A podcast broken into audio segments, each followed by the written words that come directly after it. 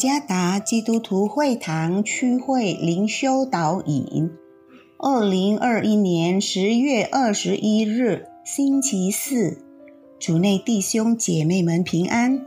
今天的灵修导引，我们要借着圣经以佛所书第二章第六到第七节来思想今天的主题：敬拜中的保证。作者。房仁康传道，以佛所书第二章第六到第七节，他又叫我们与基督耶稣一同复活，一同坐在天上，要将他极丰富的恩典，就是他在基督耶稣里向我们所施的恩慈，显明给后来的世代看。谢娜攒钱。想买笔记本电脑很久了，然而钱还是不够，他就将自己的心愿告诉了父母。父母看到谢娜的努力，表扬支持了他，并赞助他买了一台笔记本电脑。在商店里，卖家展示并解释了如何操作。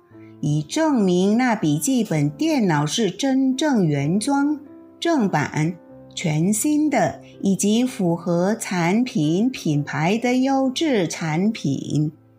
卖家还出示了产品保修卡，如果笔记本电脑在一年内因工厂的错误而损坏，卖家将更换新的一台。与笔记本电脑保修不同，我们的安全保证是永恒的，没有时间限制。第六节说，他又叫我们与基督耶稣一同复活，一同坐席在天上。这证明上帝真的爱我们，关心我们，我们所经历的境遇。和挣扎都逃不过他的观察。他赐予我们生命，始终与我们同在，并支持我们面对人生的挣扎。基督赐予力量和得胜，他保证我们的生命。在第七节中说的“后来的世代”，在希腊语中是 “ion”。指的是永恒，就是上帝在永恒中的时间。上帝会在他的整个永恒中向我们展示他丰富的恩典。他赐恩典丰富的本质不仅是永恒性的，而且是极丰盛的。在希腊语中是 “huperbalo”，意思是超越极限的。赐予我们生命的上帝，给了我们在他永恒里的盼望，在天上为我们预备与他同在的地方。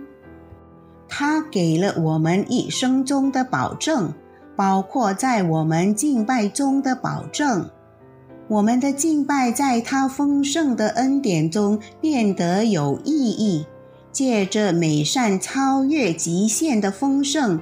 这在希腊语中是 Christodes，意思是上帝的怜悯，而这怜悯只在基督耶稣里。上帝应许同在、坚强、坚固以及给予得胜，他与我们的生命同在，并永远赐福于我们，在基督耶稣里。上帝保证我们的生命永远与他同在，不仅现在在地球上，在天上也是如此。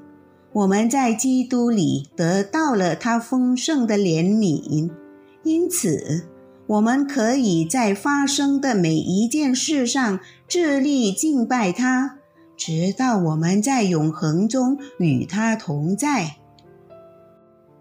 如果世界上的产品有保证，那么更何况上帝在耶稣基督里的作为？他给了我们确实、完整和永恒的保证。主耶稣赐福。